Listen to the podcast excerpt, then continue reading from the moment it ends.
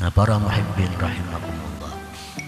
Nah, orang yang ma'rifat kepada Allah ini, orang yang melihat sesuatu, dia melihat bahwa itu adalah perbuatan Allah.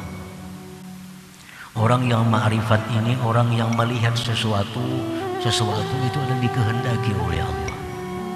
Orang yang ma'rifat ini, orang yang melihat sesuatu menunjukkan adanya Allah. Nah hati mereka tidak lepas dari itu.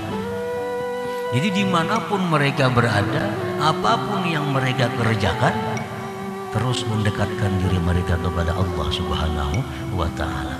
Walaupun zahir mereka tidak beribadah, walaupun mulut mereka tidak banyak berzikir, tetapi hati mereka selalu memandang kepada Allah Subhanahu wa Ta'ala. Nah, ini sudah ma'rifat kepada Allah Subhanahu wa Ta'ala.